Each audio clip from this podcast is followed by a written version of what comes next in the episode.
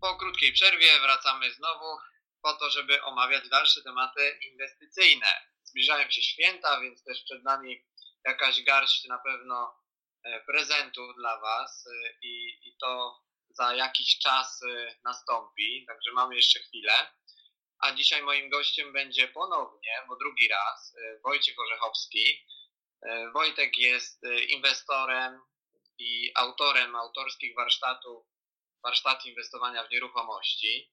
Także podróżuje często i w tym aspekcie, szczególnie inwestycyjnym, dzisiaj będziemy mogli sobie troszeczkę porozmawiać o tym, jakie są e, doświadczenia mojego gościa w zakresie inwestowania, jak to robi, w oparciu o jakieś nowe informacje, tak żebyśmy się tutaj nie powtarzali, a na sam koniec będziemy mieć dla Was na pewno ciekawą informację i pewnie jakiś bonus y, dla osób słuchających nagrania z kontestacji.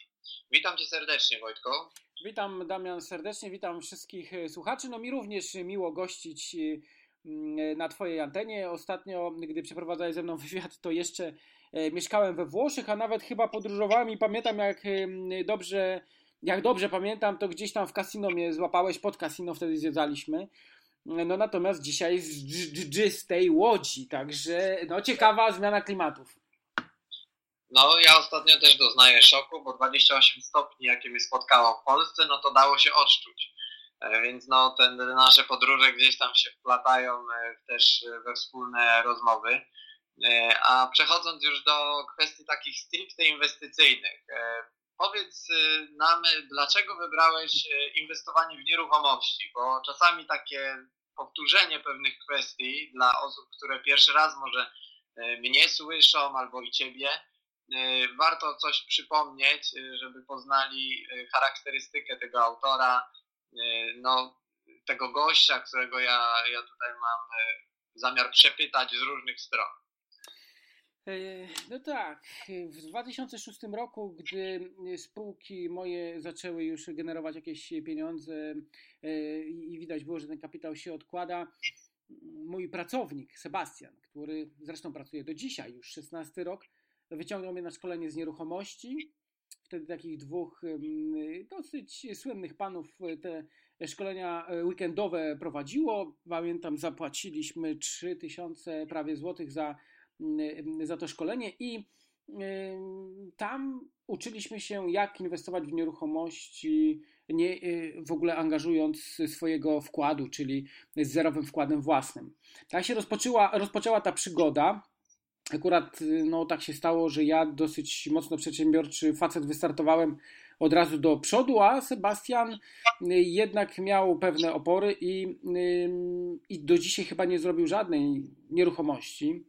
Ja powiem tak, że no po takich szkoleniach zazwyczaj weekendowych zostajemy gdzieś z tą wiedzą sami i zastanawiamy się, co można byłoby zrobić, czy w ogóle zrobić. Czasem brak aktywności, wsparcia, działania.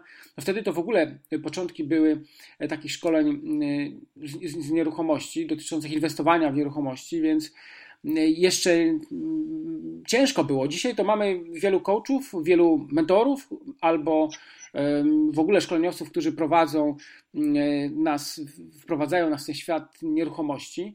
Ja wtedy marzyłem o tym, żeby ktoś za rękę mnie poprowadził i dzisiaj faktycznie mm, ja mogę powiedzieć, że te, takie warsztaty prowadzę, gdzie prowadzę za rękę przez cały proces inwestycyjny. Niemniej jednak wtedy y, szkoleniowcy namawiali do tego, żeby kupować nieruchomości e, pod wynajem w kredycie. No i zarabiać na przepływach pieniężnych. Akurat banki wtedy dawały nawet na 110% wartości kredyty, e, więc to było takie mocno motywujące. Dzisiaj mamy troszeczkę inne czasy. Jesteśmy już mówiąc tutaj o globalnej gospodarce po różnych zdziwieniach, jeśli chodzi o nieruchomości, o kredyty. Y, rynek troszeczkę się nauczył. W tej chwili mamy rekomendację, która jednak wymaga od inwestorów, aby ten wkład własny z roku na rok, na rok był coraz większy. No co ciekawe, nie wiem jak to dokładnie funkcjonuje, bo byliśmy ostatnio poniekąd przymuszeni, aby ten wkład własny nasz był już 15% w tym roku, ale jednak banki dalej, e, przynajmniej dla uczestników moich warsztatów, dawały kredyty z wkładem 10%. Zobaczymy, co będzie w tym roku, bo już miało być 20 w 2017, ale może jeszcze rynek nas mm, zaskoczy. No wtedy akurat można było wziąć kredyt na 110% wartości. No i tak y, ja czy inni inwestorzy kupowali nieruchomości pod wynajem. Tak tego rynku też poniekąd uczyliśmy się. I próbowaliśmy dążyć do tego, tak jak zresztą Robert Kiyosaki nas tam gdzieś wspierał i uczył, aby żyć z tych przepływów pieniężnych. Co prawda, Robert troszeczkę nam w tych książkach no, obiecywał złotych gór, dlatego że no te książki powstawały w tamtym dziesięcioleciu, gdzie gospodarka dosyć prężnie się rozwijała. Było to jeszcze przed 2008 rokiem, kiedy e, nastąpiło to wielkie ogólnoświatowe zdziwienie, gdzie ta bańka się troszeczkę napompowała. W Stanach trochę inaczej te kredyty dawali. U nas teraz to już w ogóle inaczej dają. Patrząc z perspektywy czasu, ja już to wszystko rozumiem, ale wtedy byłem mocno zdziwiony, bo e, mimo wszystko kupowaliśmy te nieruchomości, ale w pewnym momencie okazało się, że no, banki nie za bardzo chcą dawać więcej kredytów na wynajem, takich typowo hipotecznych, mieszkaniowych. Sugerowały, żeby przechodzić na kredyty inwestycyjne, firmowe. No, zresztą również pod zabezpieczenie. No a przepływy pieniężne, które się generowało, nie były zbyt wysokie. Przynajmniej ja wtedy jeszcze nie umiałem takich przepływów dobrych osiągać. Raptem zarabiało się 300, 400, 500 zł na nieruchomości wynajmowanej no ale w pewnym momencie okazało się, że człowiek już ma tą zdolność wykorzystaną, gotówka zamrożona i co dalej? I co dalej? Ja mówiłem, kurczę, no tak, może w Stanach jest to możliwe. Ale w Polsce to nie jest tak hop -siup. No i potem okazało się faktycznie, patrząc teraz z perspektywy czasu, że różne cuda i dziwy się w tamtych czasach w Stanach działy. Banki dawały kredyty na wszystkie nieruchomości, nie patrząc na tę zdolność, no i można było zarabiać na samym wzroście tych nieruchomości, bo one mocno szły do góry. Zresztą ja pamiętam e, pierwsza z nieruchomości w 2006 roku, sprzedana w 2007, właściwie w półtora roku osiągnęła 100% e, wzrostu. Kupiliśmy za 98 tysięcy, sprzedaliśmy za 240, to nawet więcej jak 100%. No i to były bardzo, bardzo ciekawe czasy. No ale ja doczekałem takiej chwili, gdzie nie mogłem dalej już inwestować, bo mm, zdolność wykorzystana, gotówka zamrożona. I mówię, coś nie tak, halo, coś nie tak, coś, coś Robert nam tutaj poprzekłamywał. I ja dopiero mm, zrozumiałem, jak inwestować tu na rynku w Polsce, gdy y, ten sam pracownik mój, Sebastian, który wyciągnął mnie na szkolenie z nieruchomości, przyniósł do pracy kiedyś grę Cashflow. E, nie wiem, Damian, grałeś kiedyś w Cashflow? Miałem styczność, ale żeby jakieś zaawansowane rozgrywki prowadzić, tego nie robiłem.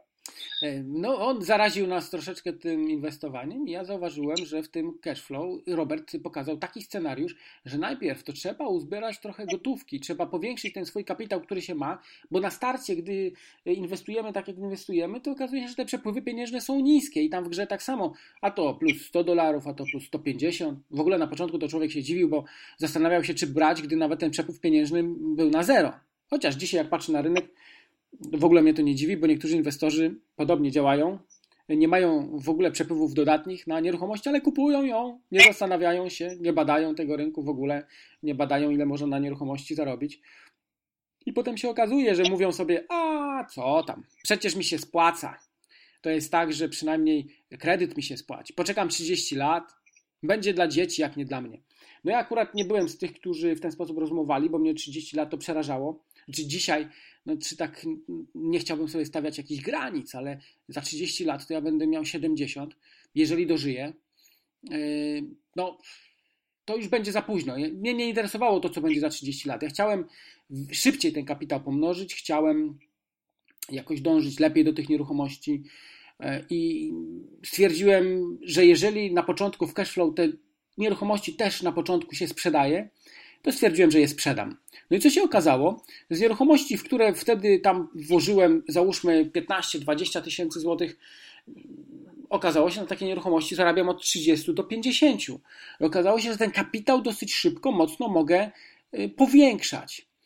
Y, na początku pewnych rzeczy nie zauważałem, ale potem w trakcie, gdy budowałem całą taką strategię dla moich uczestników warsztatów i gdy opracowywałem tą najskuteczniejszą strategię inwestowania w nieruchomości, no to stwierdziłem prostą sprawę. Wynajmowanie jest piękne, fajne, jeżeli się ma gotówkę, bo wtedy naprawdę sporo tego kapitału wpływa i po prostu chciałbym, tak sobie zamarzyłem. Ja nie chciałem sięgać po miliardy, ja sobie wymyśliłem, żeby mieć te 2 miliony złotych w kapitale, one zainwestowane w nieruchomości przy 8% stopie zwrotu powinny mi dawać co miesiąc 15 tysięcy, a przy 12% nawet 20 tysięcy. I to było to, do czego, do czego chciałem dążyć. No i potem obracałem tymi nieruchomościami, obracałem, obracałem, aż w końcu w 2014 roku stwierdziłem, że już mam lokale komercyjne, bo później się przełożyłem na, na większe lokale.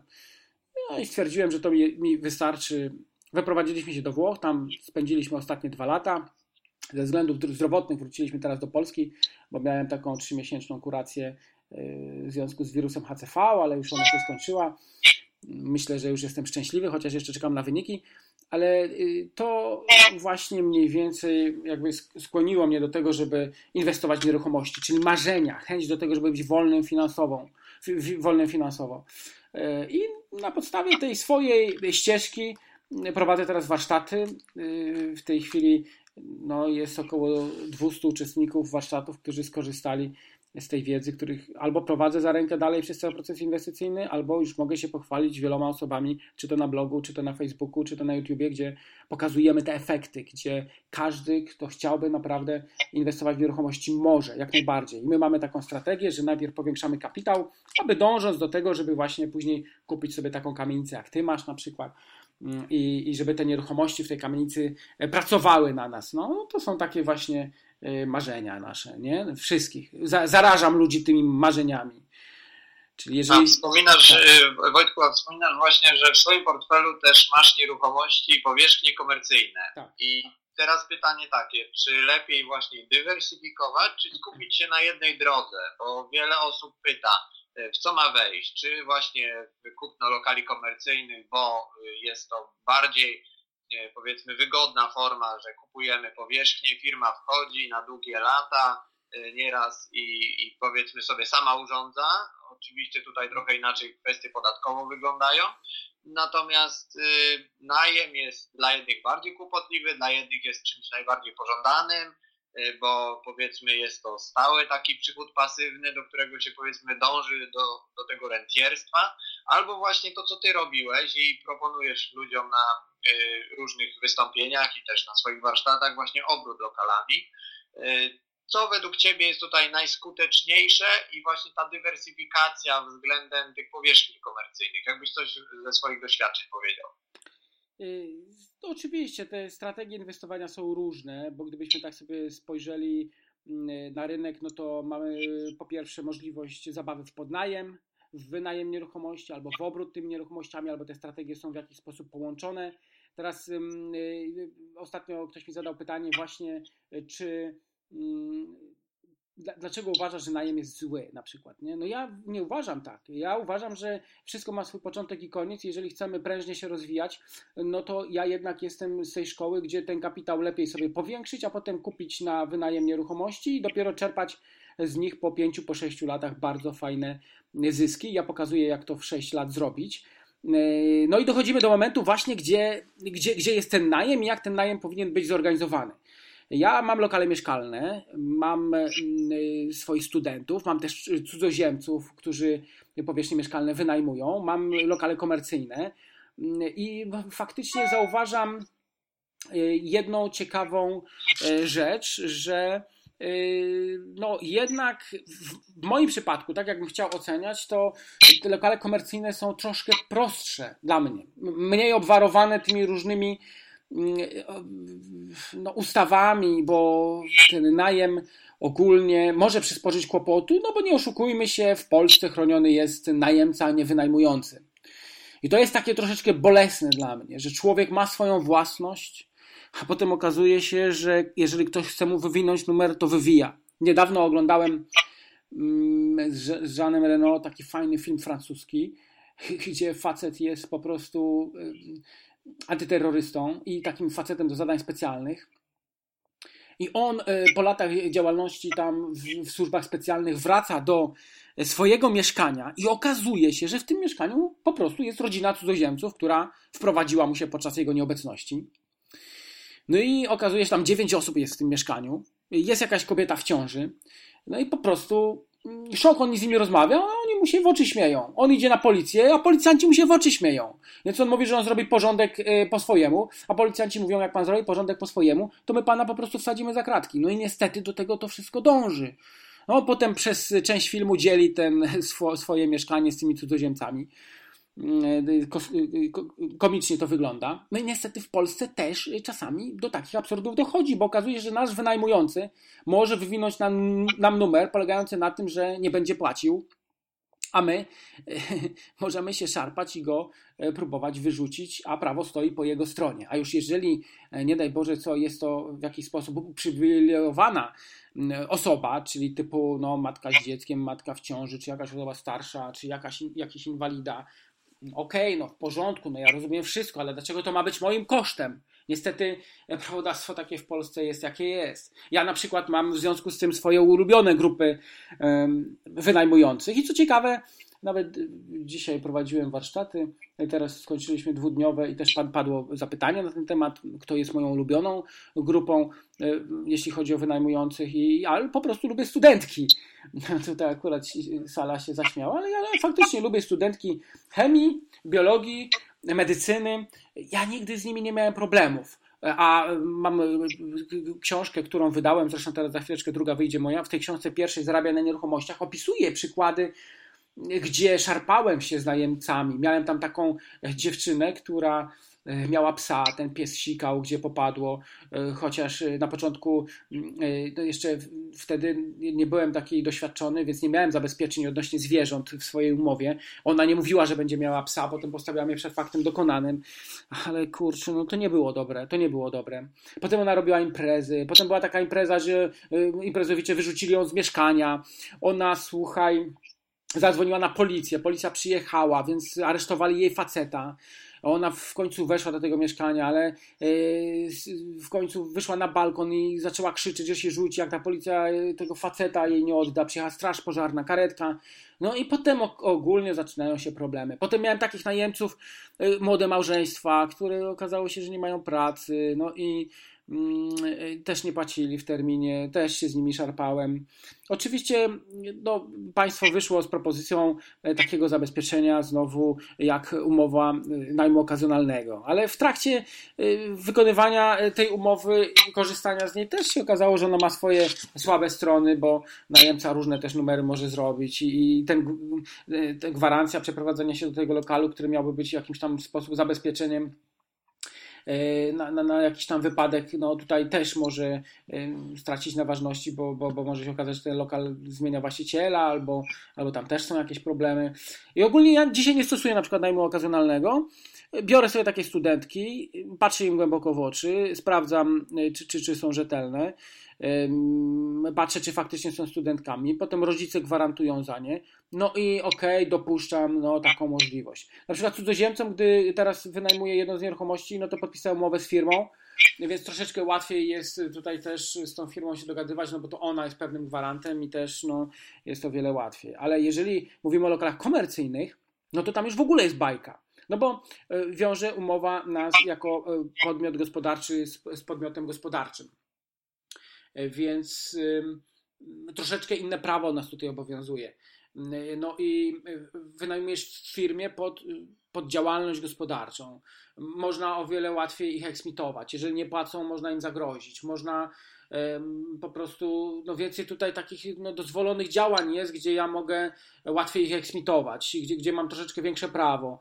No ja akurat mam 9 lokali komercyjnych, wynajmuję je y, trzem firmom w Łodzi przy Piotrkowskiej 270.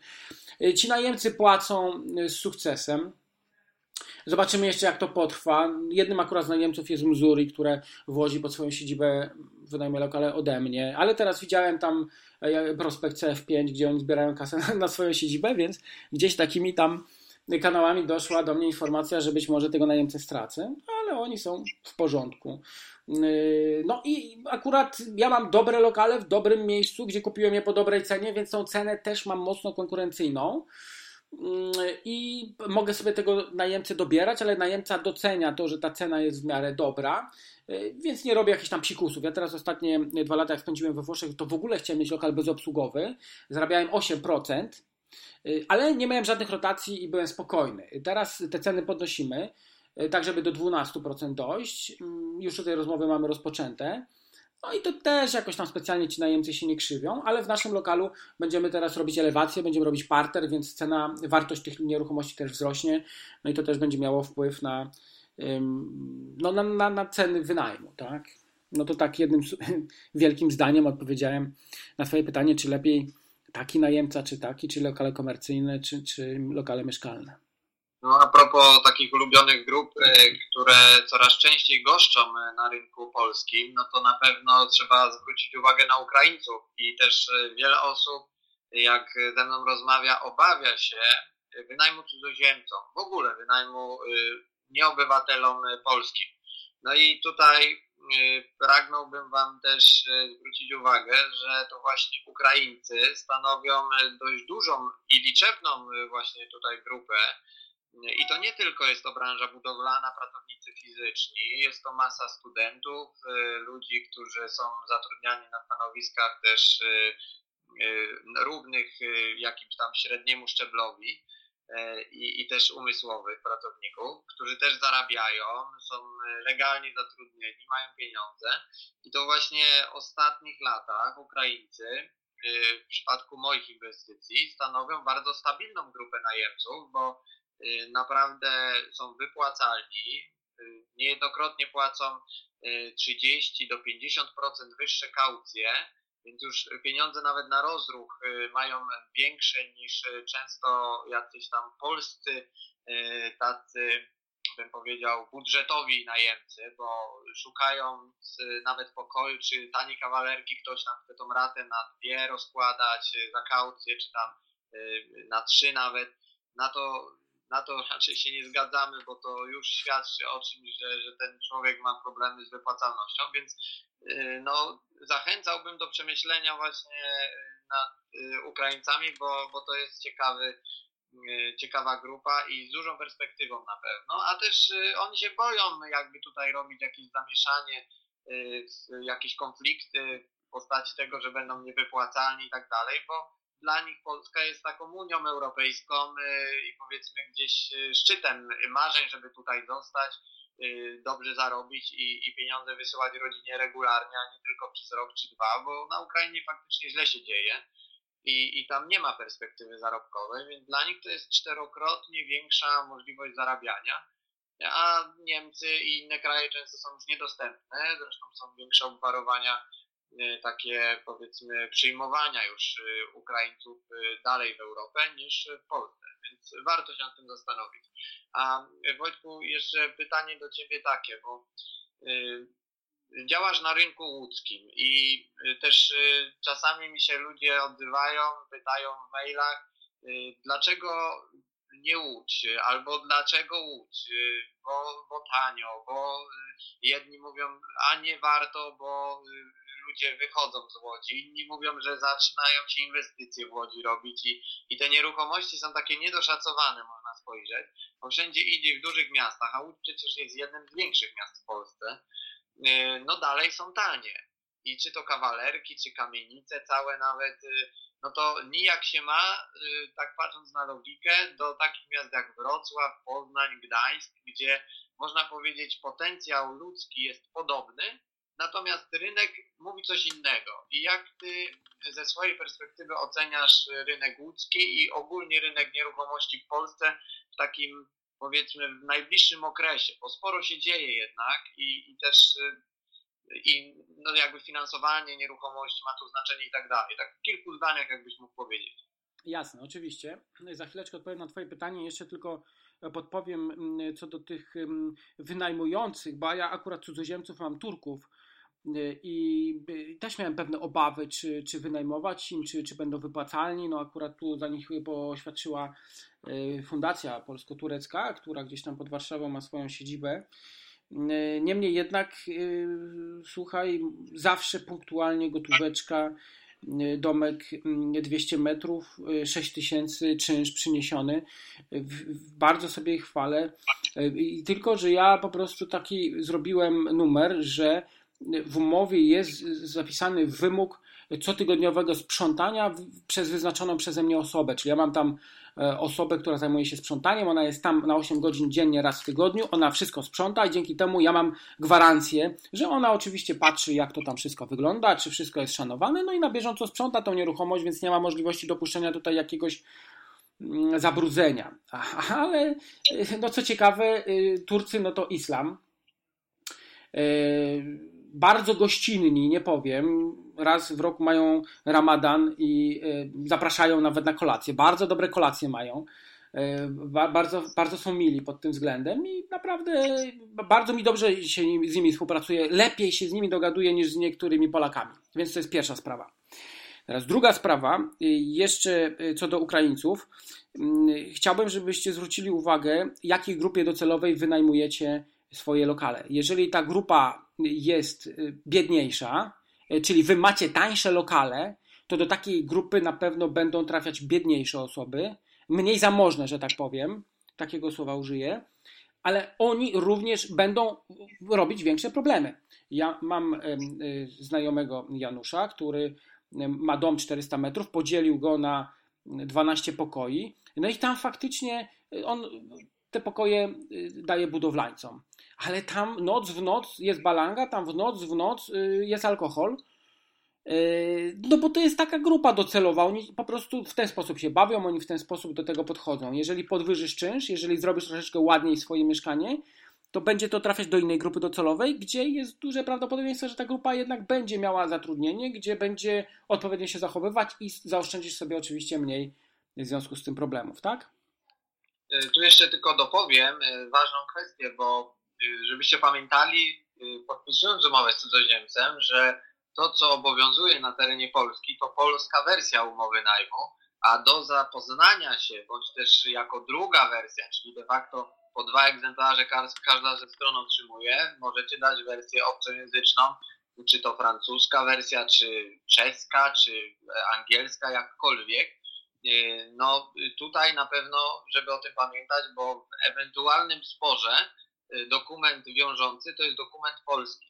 I, i no tutaj no to, tego zaniedbania jakby nie można tutaj dopuścić. No właśnie, ja też na turecki przetłumaczyłem umowę, zatrudniłem specjalistów, którzy w ogóle to na turecki przetłumaczyli, ale to w ogóle była bardzo mocno rozszerzona umowa, bo to nie tam mieszkanie, tylko dom z działką w ogóle, więc tam szereg różnego rodzaju zabezpieczeń, instrukcji na wszelki wypadek, czy oni na pewno umieją się obsługiwać piecem gazowym, czy aby na pewno umieją się obsługiwać Y, kominkiem, y, jasno wprost napisane, że na teren posesji nie mogą ciężarówki wjeżdżać, bo tam trudno powiedzieć, co by im do głowy przyszło, a tam różnego rodzaju instalacje też przecież odwodnienia są porobione, więc y, no to takie dosyć ciekawe doświadczenie, ale dzięki temu, że przetłumaczyłem umowę na turecki, oni też jakby dokładnie wiedzieli, no, z czym to się je, jak to się mówi, prawda? No na pewno to pomaga w takiej relacji najemca-właściciel, bo ten najemca czuje się też komfortowo, że wie, co podpisuje i można też powiedzieć, że ta wersja no, jest w identycznej y, tutaj strukturze i treści co polska, a dla jego upewnienia się, że tak faktycznie jest, no może sam tą umowę wziąć do tłumacza. Myślę, że przy, takich, y, przy takim najmie powiedzmy okresowym, że ktoś przyjeżdża na rok, dwa, y, no to raczej nie ma miejsca, raczej podpisują ludzie tą umowę i mając wersję taką czy siaką, w danym języku i tak y, jakby nie przywiązują wagi, żeby gdzieś z tym chodzić po prawnikach, tłumaczach, przysięgłych i tak dalej. Natomiast tak jak u Ciebie, no inwestycja jest grubsza, bo jest to jednak dom, który na pewno jest dużo więcej wart niż kawalerka 15-20 metrów, więc tutaj na pewno lepiej się trzeba zabezpieczyć. No a wracając jakby do, do tego rynku łódzkiego, jakbyś mógł trochę opowiadać o tym. Słuchaj, no Łódź jest fajna, y, dlatego że jest miastem wojewódzkim. My preferujemy inwestycje w miastach wojewódzkich. No w tej chwili we wszystkich województwach już inwestujemy, także ten rynek faktycznie e, dosyć mocno jest zbadany, bo ja lubię jeździć tam, gdzie nie znam rynku i ten rynek osobiście poznaję. E, no, do mniejszych miast też jeździmy, bo na przykład Legnica e, czy mm, na przykład jakieś miasta satelickie Warszawy, no z chęcią poznaję E, teraz mamy zaproszenie do Elbląga, zobaczymy jak to będzie wyglądać. No ale ogólnie preferujemy miasta wojewódzkie, no bo to są miasta jednak ośrodki i akademickie, i rynek, który przyciąga pracowników, którzy przyjeżdżają z miast, potrzebują jakichś tam najpierw e, tańszych mieszkań, ci z tańszych sprzedają mieszkania, idą do trochę droższych, trochę lepsze warunki. No a Łódź jest takim miastem w tej chwili, jakby nie patrzeć, jednym z najtańszych, jeśli chodzi o miasta wojewódzkie. Ja nie wiem, czy to nie jest tak, bo to poniekąd jest przecież. Mm, no każdy rynek w jakiś sposób może być tam manipulowany. Tutaj wokół Łodzi się robi dużo szumu, że tu ludzie uciekają, że tutaj jest słabo. Mm, ale mnie akurat, ja, ja to badałem, ja to obserwowałem, analizowałem i okazuje się, że obrót tymi nieruchomościami jest bardzo podobny, jeśli chodzi o wysokość, tak jak w innych miastach wojewódzkich. Ale co ciekawe, ceny są o wiele niższe. No my ostatnio kupowaliśmy nieruchomości w blokach po 200, po 2300 za metr kwadratowy, czyli nawet poniżej 100 tysięcy można kupić mm, małe mieszkanie dwupokojowe. I to otwiera drogę y, drobnym inwestorom, którzy chcieliby zacząć, nie wiedzą jak. No więc ta łódź jest naprawdę bardzo fajna. No teraz przejmujemy bloczek 20 mieszkań, y, gdzie na przykład 100-metrowe y, mieszkania kupujemy za 300 tysięcy złotych w stanie deweloperskim, więc to jest po prostu szok, że tak niziutko te nieruchomości można kupić i, i też próbować na nich zarabiać ktoś, kto nie ma dużej zdolności kredytowej, ktoś, kto nie ma za dużo gotówki odłożonej, no to akurat Łódź jest dla niego bardzo dobrym rynkiem. Przy czym jest taka plotka, że Łódź się wyludnia, że w ostatnim dziesięcioleciu 100 tysięcy mieszkańców y, z Łodzi uciekło. E, przy czym jak analizowałem to, Damian, słuchaj, okazuje się, że 90 tysięcy uciekło, jak się otworzyły granice tam w 2004 i w 2005 roku. E, więc 90% z tych osób wtedy uciekło. No teraz jest jakaś tam migracja, ludzie gdzieś tam jeszcze wyjeżdżają, ale w ostatnich 10 latach to już jest naprawdę niewielki odsetek ludzi, którzy odjeżdżają, a wręcz w tej chwili no Łódź staje się takim miejscem, które zachęca i inwestorów, i ludzi do tego, żeby tutaj mieszkać, ponieważ jest taniej, ponieważ jest blisko do Warszawy, ponieważ że Łódź jest rewitalizowana, mm, całe centrum jest rewitalizowane i, i Łódź pięknieje. Już są takie miejsca, którymi naprawdę łodzianie mogą się poszczycić, e, chociażby jest pasaż Róży, bardzo piękne miejsce, gdzie nieruchomości są obłożone szkłem i lusterkami, to bardzo pięknie wygląda i wiem, że E, no, ja wiem, że Łódź pewnie no, nie może się porównywać do, e, Gdańsku, do, do Gdańska, Krakowa, Wrocławia, Poznania czy nawet Torunia, ale jednak już są takie miejsca, które zachwycają. Mamy piękną Piotrkowską, długą, e, najdłuższy pasaż w Polsce, ulicę taką, która, która, która jest ulicą handlową. Poza tym mamy piękny dworzec, dosłownie w niedzielę oddano, Łódź fabryczna, gdzie aż zachęca właśnie to miejsce do tego, żeby tutaj przyjeżdżać. W związku z tym masa różnego rodzaju inwestycji się otwiera. W 2022 mamy Expo, więc te nieruchomości również będą rewitalizowane. Miasto wykupuje nieruchomości, działki i przekształca je w, bardzo ładne nieruchomości. I oczywiście to potrwa jeszcze z 10-20 lat, zanim Łódź będzie fajna, ale to dzisiaj, inwestując tutaj w nieruchomości, możemy nastawiać się na to, że niedoszacowane nieruchomości będą rosły w czasie. Ja myślę, że większe szanse na wzroście jest, y, że zarobimy właśnie w Łodzi, a nie na przykład w Warszawie, gdzie tam po 10 tysięcy z metra albo i więcej te nieruchomości chodzą. Ja mówię oczywiście o rynku wtórnym, o mieszkaniach gdzieś tam lata 70., 80., 90. bloki. Z drugiej strony, y, patrząc na gospodarkę, mamy tutaj wielu inwestorów, mamy y, skrzyżowania autostrad, które się potwierały, mamy obwodnicę w końcu, która została otworzona w poprzednim roku. No to wszystko sprzyja rozwojowi. Jeszcze na szczęście te drogi nie są płatne. Mam nadzieję, że jeszcze chwilę to tak y, pozostanie. A teraz patrząc na samą Łódź, ileż to ostatnio się hoteli otworzyło w, w Łodzi. Mamy Nowotel, mamy Kubus, mamy Holiday Inn, Andels, następnie Ibis. No, sporo tych sieci hotelowych znanych się otwiera, a ja jestem pewien, y, Hilton, że Hilton nie zainwestowałby w Łodzi, gdyby nie widział potencjału. Czy oni nie mają marketingowców, którzy nie analizują takich rynków? Analizują. Ja myślę, że oni dostrzegają właśnie szansę, że to tu ten rozwój w Łodzi będzie, jeśli chodzi o Polskę, dosyć mm, wysoki w najbliższym, dosyć duży w najbliższym czasie. No i to jest potencjał dla inwestorów, szczególnie teraz, kiedy jeszcze można niewielkie pieniądze inwestować, żeby zarabiać, a niebawem też no, na wzrostach nieruchomości zarabiać, szczególnie ci, którzy mają właśnie te nieruchomości pod wynajem, te nieruchomości będą rosły i wydaje mi się, że będą rosły lepiej niż w Warszawie, nie? Aczkolwiek porównując teraz Łódź w stosunku do innych miast, Wrocław mocno obłożona konkurencją, obłożony ze względu na to, że tam wielu inwestorów z zagranicy, tak jak w Gdańsku, inwestują, e, kupują nieruchomości pod wynajem. Mm, Warszawa, no wszystko na pniu schodzi, fajnie można zarabiać i naprawdę wiele mieszkań, ale tam znowu trzeba mieć więcej kapitału. Ja myślę, że Polska jest na tyle fajnym krajem, szczególnie teraz rozwijającym się, że potencjalny inwestor może naprawdę na wielu rynkach zaczynać i to jest ten czas, kiedy raczej będzie zarabiał, nie tracił, bo yy, gospodarka raczej będzie się rozwijać niż zwijać. No taką mam nadzieję, no pomimo tego, że różne opinie są w tej chwili o, o tym, co się dzieje w kraju pod względem no, no, jeśli chodzi o rząd i podejmowane decyzje, no ale mam nadzieję jednak, że to będzie szło w dobrym kierunku. No na pewno jakieś te programy wspierające i, i powiedzmy e, no, inwestycje ze strony rządu, no nie sądzę, żeby w jakimś e, dużym stopniu e, taki rynek inwestycyjny, tak jak my inwestujemy, zmieniało, bo to jednak jest określona grupa odbiorców, y, do których jest kierowany ten program i to oni nie stanowią powiedzmy dla nas większego zagrożenia, bo y, jak w inwestycjach wiadomo, no, y, bardziej, inwestu, bardziej wynajmuje się mieszkania powiedzmy singlom czy też młodym osobom pracującym, parom, a odbiorcą tych programów są młode rodziny czy też rodziny wielodzietne, które no, nie mogą sobie pozwolić dzisiaj na, na zakup własnego mieszkania. No i też rząd wychodzi z jakąś propozycją w tym kierunku, a jednak wiesz, no, zapotrzebowanie jest bardzo duże. Ostatnio czytałem wywiad z ministrem e,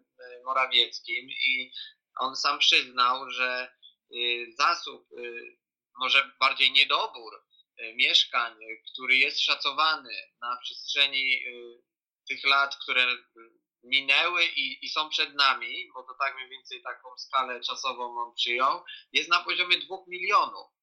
Więc y, tutaj możemy budować i tak naprawdę nie nasycimy rynku, bo y, też się nie stanie tak, że nagle Polska się wyludni i będzie 20 milionów ludzi y, tak powiedzmy z roku na rok, bo to też się tak nie dzieje demograficznie. Raczej jest to już ustabilizowane, że powiedzmy te, te różne programy wspierania E, tutaj no, jedne grupy zadowolą, inne mniej. No ale jednak bym nie upatrywał w jakby ruchach rządowych e, tego, żeby rynek nieruchomości takich inwestycyjnie pod tym kątem e, się dla nas zakłócił. A Łódź jest ciekawym przykładem właśnie, że jest to pewna taka, można powiedzieć, nisza inwestycyjna, bo na tle innych miast, tak jak mówisz, no Łódź się zaczyna wyróżniać inwestycjami, miasto, a ceny nieruchomości są zamrożone w pewnym sensie, więc y, no, na pewno jest jakaś tam gratka dla osób lokalnie inwestujących albo dla osób, które y, zlecają y, jakimś podmiotom czy tam agencjom zarządzanie czy inwestowanie, tylko przekazują pieniądze. Ja na takich inwestorów mówię ludzie z czystymi rękoma, bo się nie brudzą, nie, nie remontują, nic nie robią, tylko przekazują środki kliknięciem i przelew jest na koncie i, i, i ty rób na tej zasadzie. A powiedz mi, w sytuacji takiej, kiedy mieszkałeś za granicą i też cały czas inwestujesz aktywnie, pomagasz innym, to w jaki sposób zarządzałeś tymi lokalami? Swoimi, czy też, no, no wiadomo, że pewne rzeczy z kursantami omawiasz na Skype'ie, bo nie sposób inaczej, ale przede wszystkim chodzi mi o Twoje lokale, jak byłeś poza krajem. Jak sobie Y, zaaranżowałeś y, to funkcjonowanie y, w zarządzaniu? E, słuchaj, więc ogólnie, mm, jeżeli chodzi o firmy, to przez ten czas żadna z firm jakoś specjalnie nie, nie, nie, nie, to znaczy nie było tutaj jakiejś tam rotacji, nie było wymian, więc no to było pewne ułatwienie. tak jak mówiłem, dobre stawki zachęcają do tego, żeby być w tym miejscu, trzymać, pilnować, bo to akurat dobra jest miejscówka. Piotrkowska 270 w Łodzi. Natomiast mam tutaj takiego Jacka, zresztą o którym też w książce pisałem. Jacek współpracuje ze mną już od 6 lat, robił troszkę nieruchomości, on ma swoją ekipę i no, dobre relacje mam z nim nawiązane, nawet bym powiedział bardzo dobre, takie można powiedzieć przyjacielskie i to jest na zasadzie takiej, że jeżeli się coś dzieje, ja jestem z nim umówiony, i on technicznie usuwa mi wszystkie usterki. Jest rzetelny, solidny. Ja go dobrze wynagradzam. No i jakby us tutaj usługa y, jest taka, no, współpraca między nami bardzo dobra.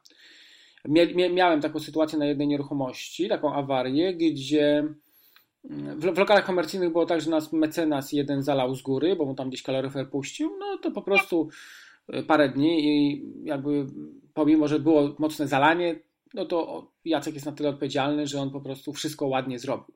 W międzyczasie mieliśmy też taką sytuację, że yy, dziewczyny, no niestety, tak, studentki, długowłose, yy, no, kąpiąc się swoimi włosami, pozapychały odpływy. No i była potrzebna interwencja y, pana ze spółdzielni. No to one sobie same zadzwoniły, pan przyjechał, wpuścił tam sprężynę, ale niestety y, sprężyna mocno uszkodziła tą instalację odpływową, hydrauliczną. No i znowu była potrzebna wtedy interwencja Jacka. Musiał rozkuć płytki, e, odbudować to, co tam ten pan popsuł, bo tam po prostu zaczęło cieknąć delikatnie, no i zaczęło to zalewać sąsiadów na dole. Na szczęście nieruchomości ubezpieczone, więc jakoś tam można było sobie to finansowo poradzić. No kwestia tylko tego, kto nam te usterki usunie. Bo do zarządzania takimi nieruchomościami potrzebna nam jest jedna osoba, która ewentualnie dba, na, czuwa nad tą rotacją, czyli e, jeżeli ktoś e, opuszcza lokal, no to żeby znaleźć kogoś na jego miejsce, to jest pierwsza sprawa. A druga, która usuwa e, te wszystkie usterki techniczne. Jak masz takie dwie osoby, które o to dbają, no to już jest problem z głowy. Ja mam taką jedną studentkę, która, z którą po prostu się dogadałem, że jeżeli by się okazało, że gdzieś brakuje mi jakiegoś obłożenia na, na pokoju, no to ona wystawia ogłoszenie, mm, dorabia sobie tam, jeździ, pokazuje. No na szczęście te rotacje są rzadkie, więc nie ma tam za dużo pracy i ona świetnie to robi. Ja tylko akceptuję ogłoszenie, ona to wystawia, nawet niczym nie muszę myśleć. No i to nie jest taka współpraca stała, gdzie przy zarządzaniu najmem musisz tam odprowadzać co miesiąc jakiś procent, tylko tu jak się okazuje, że jest potrzeba, no to wtedy tam stówka, dwie stówki jesteśmy umówieni e, w zależności e, co dokładnie, czyli wystawienie ogłoszenia to jest 100 zł, to nie jest jakiś tam duży pieniądz. Następnie, jeżeli jest prezentacja mieszkania, to 50 e, zł za, za, za jej czas. Ona jest chętna, jedzie, to robi i, i właściwie Mm, bez problemów sobie właśnie w ten sposób mm, to wszystko poukładałem. Jeżeli by tam trzeba było podpisać umowę, to ja robiłem to zdalnie, wystarczył mi skan. Radca prawny powiedział, że dzisiaj wystarczy, że jest skan podpisany przez obie strony. Gdyby doszło do jakiejś rozprawy sądowej, no to oczywiście sprawę mamy załatwioną. Więc no tak to, tak to sobie to, y, Damianie, mój drogi, wymyśliłem. A powiedz jeszcze, bo mówimy o jakichś takich właśnie superlatywach y, inwestycyjnych, radościach czasami, a powiedz, y, co było najtrudniejsze? Co było takim największym y, jakąś taką przeszkodą w inwestowaniu u Ciebie? Czy z czymś, co sobie dopiero po jakimś czasie poradziłeś, wypracowując jakąś metodę? Myślę, że błędem było to na początku, że gdy obracałem nieruchomościami, nie mając jeszcze jakiejś specjalnej wizji, no to ten kapitał przejadałem, zamiast go w jakiś tam sposób odkładać. Ja 10 lat mam doświadczenia w nieruchomościach, ale na początku popełniłem na pewno wiele błędów, za które zapłaciłem i właśnie czasem, a czas jest bezcenny, no i jakimiś tam kosztami. Teraz w jakiś sposób to poukładałem i wypracowałem najlepszą ścieżkę dla uczestników, którzy chcą ze mną współpracować, więc oni mają łatwiej, zresztą zawsze można to skonsultować. Problemem jest to, kiedy jesteś sam, porywasz się na coś i nie masz z kim nawet pogadać. No, rodzina mówi, dobra, okej, okay, no to możemy coś wymyśleć. Tylko bardzo często jest tak, że jeżeli mamy doświadczoną osobę, o tak jak na przykład ciebie, e, ty zajmujesz się, robisz duże kamienice, więc mm, na przykład współpraca z tobą jest fajna wtedy, kiedy sam chcę zrobić kamienicę dogaduję się z Tobą, że jak e, będzie, no żeby, żebyś Ty mnie gdzieś tam w jakiś sposób prowadził, koordynował te prace i konsultował, to już jest wielki sukces, kiedy można porozmawiać, ale nie tylko w rodzinie tam z kimś, kto się nie zna, ale z kimś, kto się zna, tak? I wtedy to jest bardzo fajne. U mnie tak też te warsztaty wyglądają, że ja po prostu jestem do dyspozycji w każdej chwili. Jeżeli ktoś sobie życzy, dzwoni na telefon o każdej porze, ja odbieram ten telefon i go wspieram, a jeżeli jest coś dłuższego, omawiamy się na Skype, o tak jak dzisiaj my sobie siedzimy i wtedy sobie dyskutujemy. Y, I samo to, że możemy z kimś porozmawiać, to już nam daje wiele, wiele rozwiązań. Ja jakichś takich większych y, potyczek, problemów nie miałem. Oczywiście trafiałem na różnego rodzaju przeszkody. Pamiętam, jak kupowaliśmy całe ósme piętro na Piotrkowskiej 270 i bank nam przedłużał decyzję już czwarty miesiąc, już się zbliżał y, termin, w którym no, już instytut, od którego kupowaliśmy nieruchomości, stwierdził, że jak teraz tego nie załatwimy, no to no to zrywa umowę. No i trzy dni przed podpisaniem aktu bank mówi, dobra, ok, dostaniecie kredyt inwestycyjny, ale nie będzie on na 20 lat, tylko na 10 i my potrzebujemy nie 20% wkładu własnego, tylko 30. Okazało się, że 150 tysięcy z dnia na dzień musimy załatwić. To było niesamowite wyzwanie. Ale jakby tam ta historia nauczyła mnie, że właściwie faktycznie pieniądz jest to dobro nabyte, które można zorganizować, które można pożyczyć. Stanęliśmy na wysokości zadania, te pieniądze załatwiliśmy. No i tak jakby to poszło dalej do przodu. A reszta to już jest oczywiście mm, same wyzwania, no remont, mm, ekipy remontowe. To człowiek jak już raz to przejdzie, to już później jest o wiele, wiele łatwiej przy, przy czymkolwiek. A ja, ponieważ zaczynałem od mniejszych nieruchomości, no to później przy większych było to samo, tylko na większą skalę, więc w jakiś tam sposób sobie z tym radziłem. No. Na mieszkaniach też miałem takie przygody. Pamiętam, znalazł się taki znajomy z Ciechanowa, który powiedział, że mi jedno mieszkanie wyremontuje. Dostał budżet 42 tysiące. No i potem cały ten kapitał przejadł i stwierdził, że mu zabrakło i on nie dokończy tego. I też musieliśmy się w sądzie spotkać. Więc to są takie sytuacje, no, które, są, które były dla mnie no, takie zaskakujące. No ale jednak z czasem, gdzie tego doświadczenia się trochę nabrało, no dzisiaj już jest o wiele prościej. No i tą wiedzą też oczywiście dzielę się, sprawdzam każdą nieruchomość, tak jakby to była moja i inwestorzy pod moim okiem też o wiele łatwiej mogą inwestować. No też właśnie a propos takich różnych Twoich czy tam moich doświadczeń, e, warto z tego szczególnie korzystać, bo e, Ty się szczególnie też właśnie dzielisz e, w różnych kanałach informacyjnych.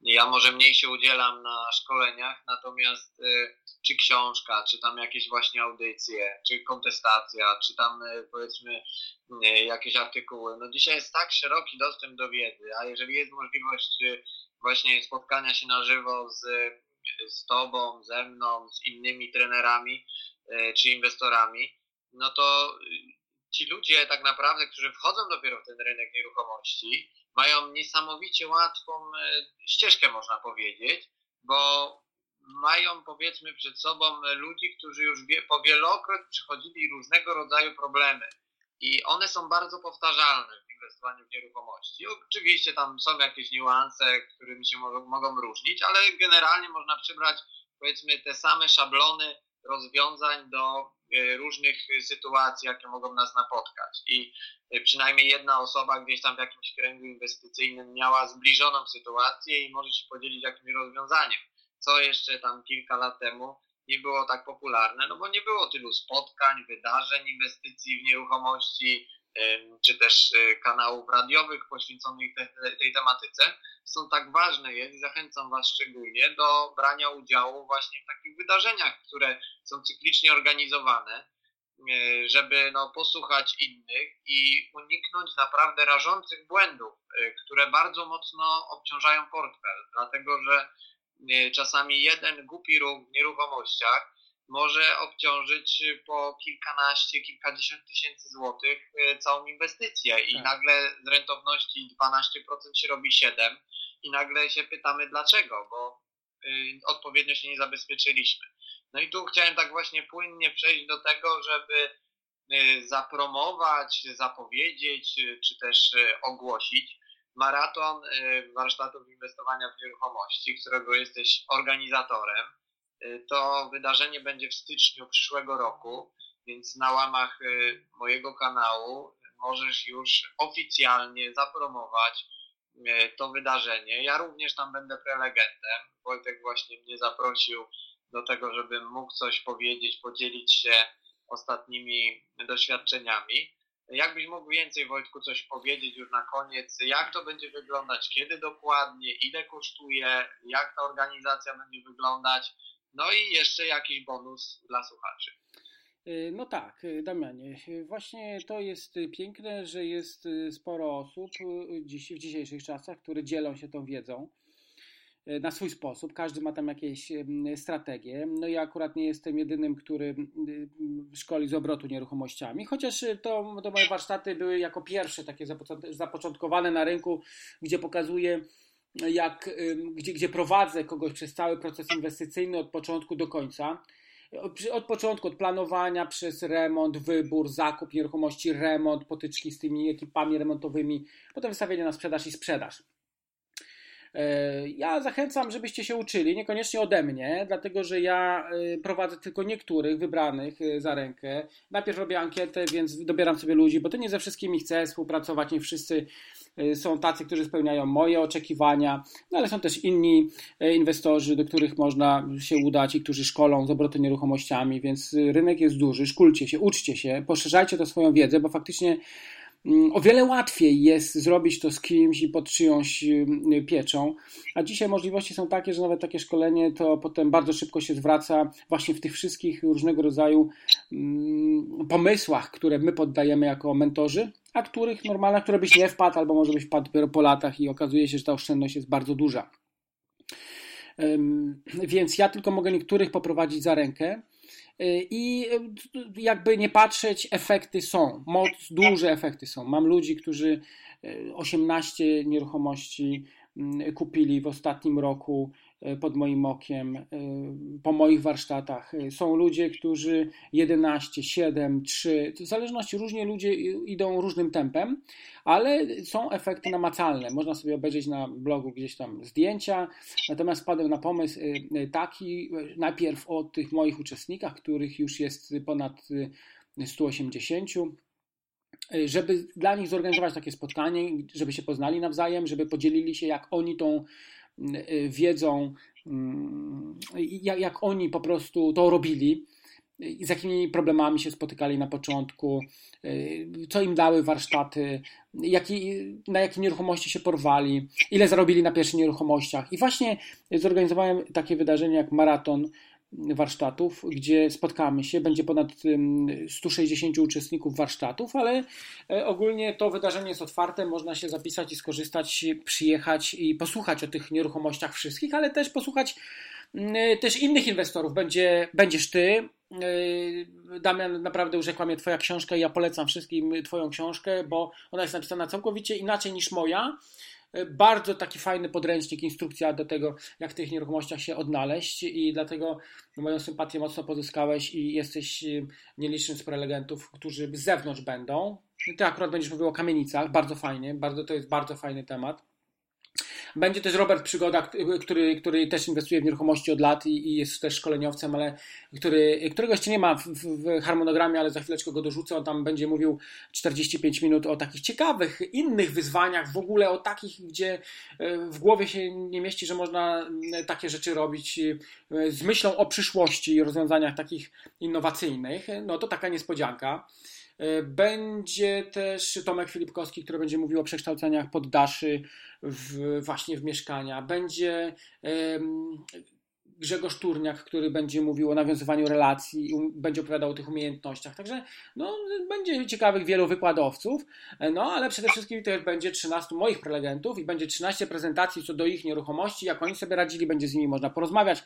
Każdy z nich co 30 minut przedstawi swoje swoje e, ścieżki, jak to wyglądało. No i to jest właśnie z myślą o tych, którzy chcieliby inwestować, nie wiedzą jak, jak się do tego wziąć. Zapraszam, przyjedźcie, skorzystacie, zobaczycie, posłuchacie, na pewno tą wiedzę sobie utrwalicie. Ja wcześniej zrobiłem ankietę, e, czytelnicy wypowiedzieli się, jaka cena ma być, więc poniżej 500 zł, a z 500, 500 zł bilet wstępu to jest razem z wyżywieniem. Ale e, Damian tu mnie właśnie zachęcił do specjalnego rabatu. Damian, przypomnij, jaki rabat ustalił ustaliliśmy dla Twoich słuchaczy, słuchaczy kontestacji, bo to jest przede wszystkim dla Was w tej chwili rabat załatwiony przez Damiana.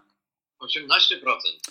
18%, yy, ok, czyli wchodzimy na stronę maratonu, na stronę wydarzenia, która jest pod adresem www www.maraton.vivn.pl cztery litery Vivn warsztaty inwestowania w nieruchomości. To łatwo znajdziecie Maraton Vivn, jak wpiszecie w internecie, to już tam strona jest wypozycjonowana w miarę. E, I tam jest y, klawisz, który przenosi do sklepu, gdzie można zakupić bilet wstępu. 18% rabatu e, od Damiana e, i trzeba wpisać kod rabatowy Damian z, małej litery, jak dobrze pamiętam, tak? Damian? No ja podawałem z dużej. A z dużej, okej, okay, z dużej. To miało jakieś znaczenie techniczne. Bardzo dobrze, to tym bardziej zapamiętacie i powtarzamy tutaj z dużej. Ja jeszcze szybciutko upewnię się, jak mamy tutaj to w sklepie wpisane i za dosłownie sekundę już będę wiedział. Także zapraszamy dwa dni, to będzie 14-15 stycznia. Potwierdzam, Damian z dużej. 14-15 stycznia. Zaczynamy w sobotę o 16, specjalnie dlatego, żeby ludzie z całej Polski po pierwsze się wyspali, przyjechali z otwartym umysłem i spokojnie mieli ten czas na dojazd. I do godziny 22 mamy pierwszego dnia wykłady, potem mamy wieczór zapoznawczy, będzie zabawa karnawałowa też. Y, pierwsza godzina zwijamy się spać i raniutko od godziny y, bodajże 9 już startujemy i do godziny 18 mamy cały czas ciekawych prelegentów i mowa o, o tym, jak inwestować w nieruchomości.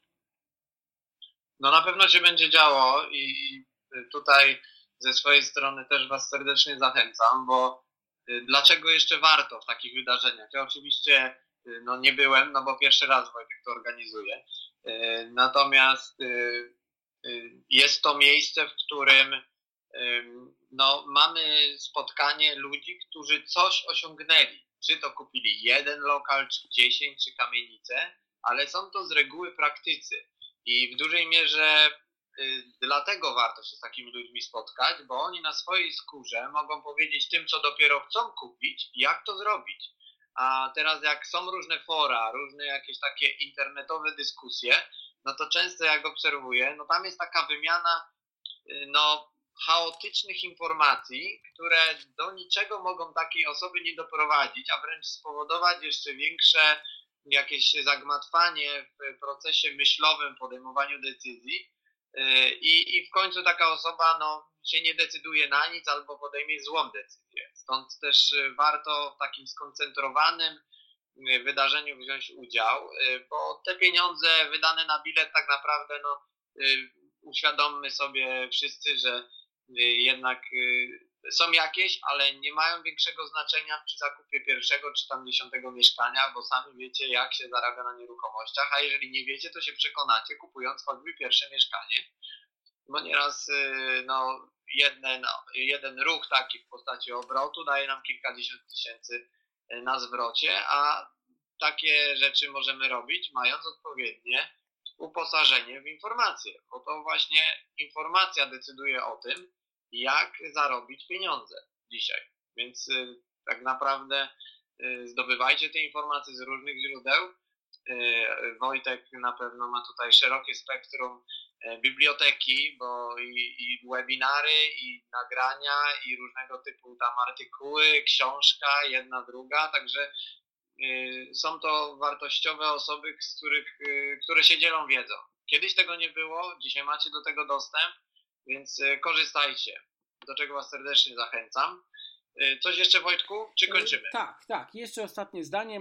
Dodam tylko, że impreza planowana jest na 450 osób w nowej hali Expo. Bardzo fajne warunki, bardzo duża sala, będzie troszeczkę wystawców, będzie się działo naprawdę, będziemy się wymieniać kontaktami i zostało 83 wolne miejsca, więc lada chwila po prostu nie będzie tych miejsc, więc jeżeli jesteś zdecydowany, to teraz to jest dobry czas na to, żeby to miejsce zarezerwować, bo podejrzewam, że e, do nowego roku nie zostanie bardzo, bardzo mało tych e, biletów, bo pierwsze 200 sprzedało się w pierwsze 3 dni, kiedy właśnie te uczestnicy się zapisywali. No cóż, Damianie, dziękuję Ci serdecznie za tą rozmowę o nieruchomościach. Ja tylko podsumuję nasze jeszcze spotkanie odnośnie porównania najmu, wynajmu czy podnajmu. No podnajmie żeśmy nie mówili. Natomiast ja uważam, że najem jest wspaniały, bo daje nam wolność finansową, ale żeby dobrze wynajmować nieruchomości i fajnie żyć z tego, zarabiać, no to jednak ja jestem osobą, która preferuje, żeby mieć gotówkę, żeby nie żeby, żeby osiągać jakieś konkretne efekty i od tego zaczynam, czyli pokazuję jak najpierw obracać nieruchomościami, żeby powiększyć ten kapitał. Moja strategia zakłada 6 lat powiększania tego kapitału, tak żeby uzbierać 2 miliony, startując od 30 tysięcy. Zapraszam na webinary, można sobie to dokładnie zobaczyć, jaka ta strategia moja jest. I potem dzięki temu kupujemy nieruchomości, wynajmujemy i żyjemy z najmu. Najem przeciętny to jest 8%, najem mm, taki dobry 12%, chociaż mam takich, którzy się chwalą mi 20% y, wynajmami, no znaczy stopą zwrotu przy wynajmie, ale to są oczywiście strzały w dziesiątkę, to są tak zwane złote strzały, które rzadziej się zdarzają. No a przy obrocie nieruchomościami możemy uzyskać 50 do 100% zwrotu na jednej nieruchomości. E, więc no tu mamy porównanie, że ten kapitał, jeżeli chcemy się zaangażować, no to szybko możemy ten kapitał sobie poobracać i ja dokładnie pokazuję, jak to zrobić. A później już spokojnie, nie musimy pracować przy tym, ten kapitał nam pracuje 8-12%, a my sobie żyjemy spokojnie, zwiedzamy e, świat, e, odpoczywamy albo zajmujemy się hobby. Właśnie rentierstwo to jest wspaniałe, wspaniała rzecz, bo ono po prostu sprawia, że możemy robić to, co chcemy, a nie to, co musimy. Możemy wybierać. Jeżeli chcesz dalej się realizować, jeżeli chcesz pracować, jeżeli chcesz prowadzić firmę, no to właśnie to jest wtedy rentierstwo, bo robisz co chcesz, a nie to, co musisz. No i tym miłym akcentem, Damianie, dziękuję Ci za ten wywiad. Zachęcam do zgłębiania tych tematów, no, do czytania naszych książek. Właśnie, musimy nagrać jeszcze jakiś ciekawy wywiad odnośnie mojej gry Rentiera, symulatora, który jest grą taką wyjątkową. Wybieram się do niedługo Poznania, zagramy, wtedy może też coś ciekawego na ten temat nakręcimy. No właśnie, no to musisz dać znać e, wcześniej, jak już masz zaplanowane jakieś terminy i teraz no końcówce roku parę razy będę w Poznaniu, a w styczniu na pewno częściej. No to Więc, super. No któryś tam, e, któryś dzień na pewno sobie tam wygospodarujemy, jak będzie to już z wyprzedzeniem. No i wtedy jak najbardziej, bo to są też takie, to jest takie wsparcie, że przez przyjemność do, do czynów, że tak powiem, bo tak. ciekawi mnie ten sam ten symulator ja nie miałem dużej styczności powiedzmy z tego typu grami. E, jakoś tak na, na życiowe reguły od razu przerzucałem jakieś swoje myślenie. E, a grałem częściej, tam powiedzmy był taki czas w Eurocash.